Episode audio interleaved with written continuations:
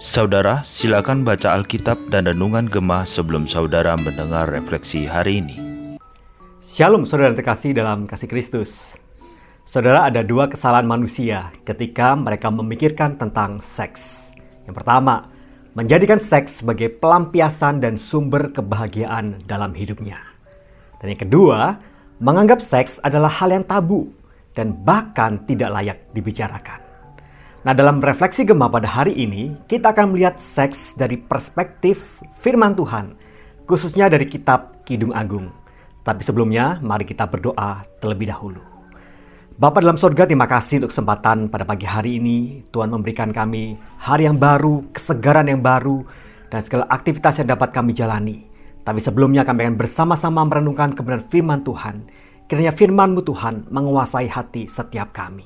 Berbicaralah ber kami, sebab kami siap untuk mendengarkannya. Di dalam nama Tuhan Yesus Kristus, kami berdoa dan kami mengucap syukur. Amin. Saudara saya akan membaca dalam kitab Kidung Agung pasal yang kelima, ayat yang kedua hingga ayat yang kedelapan. Demikian firman Tuhan. Aku tidur tetapi hatiku bangun. Dengarlah, kekasihku mengetuk. Bukalah pintu dinda manisku, merpatiku, idam-idamanku. Karena kepalaku penuh embun, dan rambutku penuh tetesan embun malam. Bajuku telah kutanggalkan, apakah aku akan mengenakannya lagi? Kakiku telah kubasuh, apakah aku akan mengotorkannya pula? Kekasihku memasukkan tangannya melalui lubang pintu. Berdebar-debarlah hatiku. Aku bangun untuk membuka pintu bagi kekasihku. Tanganku bertetesan mur, bertetesan cairan mur jari-jariku pada pegangan kancing pintu. Kekasihku kubukakan pintu, tetapi kekasihku sudah pergi lenyap. Seperti pingsan aku ketika ia menghilang. Ku cari dia, tetapi tak kutemui.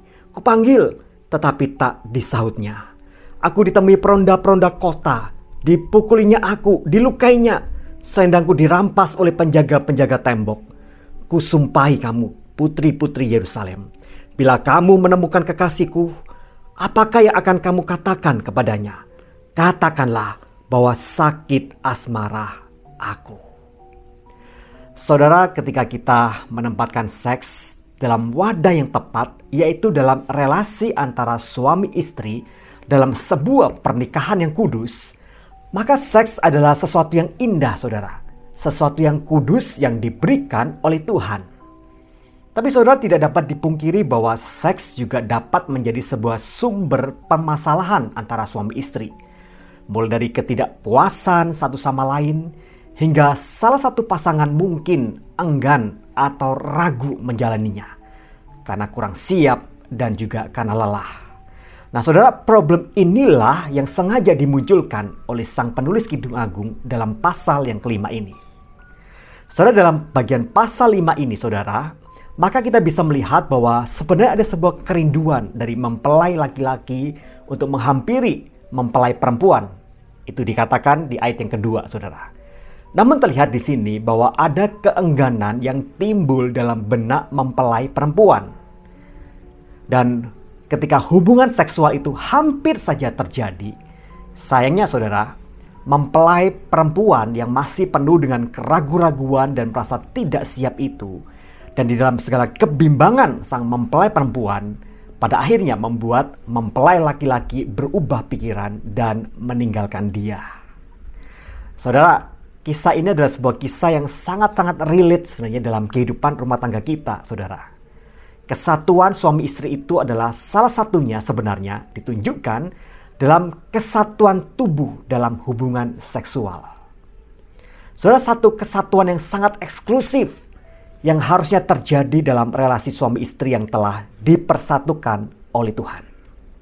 Namun saudara, antara suami dan istri bisa jadi timbul konflik yang disebabkan karena ketidaksepakatan dalam hal-hal yang berkaitan dengan hubungan seksual ini saudara. Dan itu menyebabkan salah satu pihak mungkin mengalami kekecewaan di sana.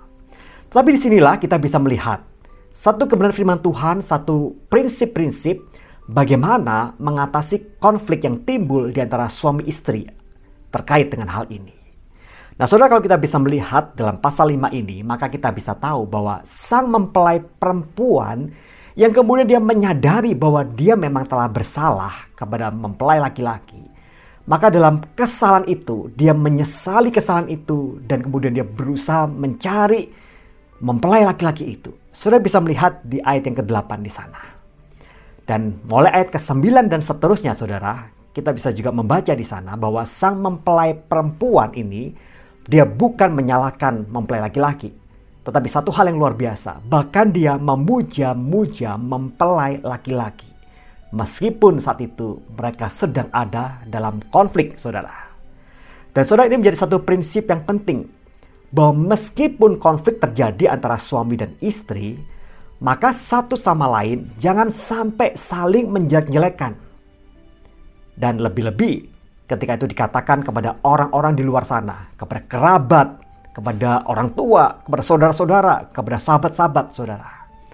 Nah, saudara di sini kita bisa melihat bahwa sang mempelai perempuan dalam situasi konflik yang belum terselesaikan, dia tetap menunjukkan satu respect, satu kebaikan di mana dia tetap memuja, menyatakan kebaikan suaminya di hadapan orang-orang yang ditemuinya, saudara.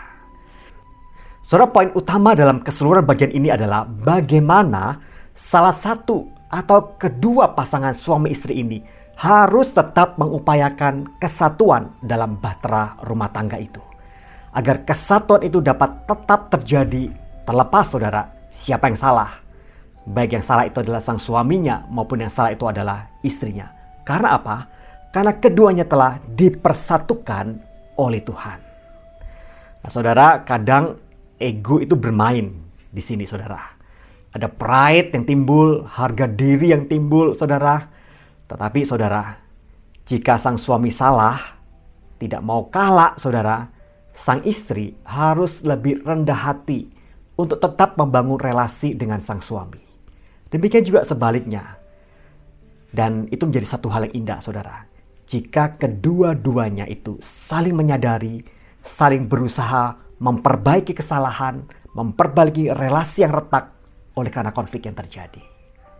Saudara, gambaran yang ditampilkan dalam kitab Kidung Agung ini tentu saja adalah satu gambaran yang kita bisa tarik dalam satu relasi, bukan hanya sekedar antara suami dan istri, tetapi relasi kita sebagai gereja Tuhan, sang mempelai perempuan Kristus, dengan Kristus sendiri mempelai laki-laki sudah membangun kesatuan dalam satu relasi yang intim antara kita, gereja Tuhan, dengan Tuhan sendiri adalah satu hal yang harus terus diupayakan oleh umat Tuhan.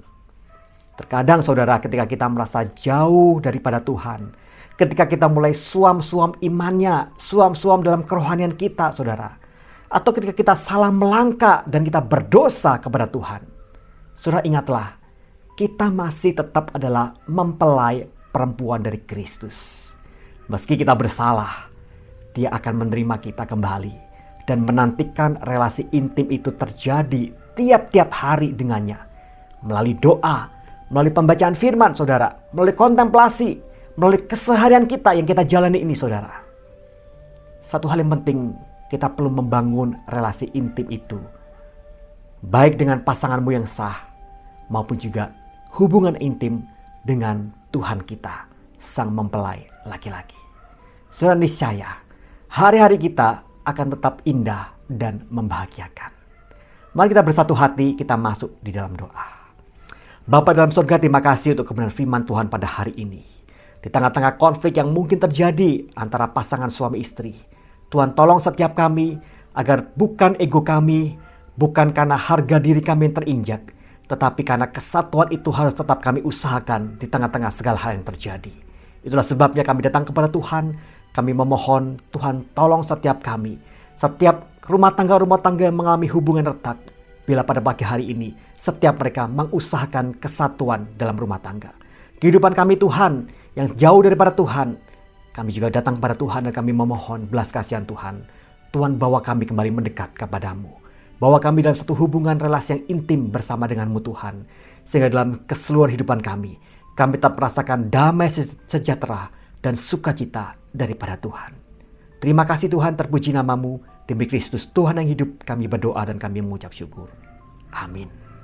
Kiranya Tuhan memberkati setiap kita Amin.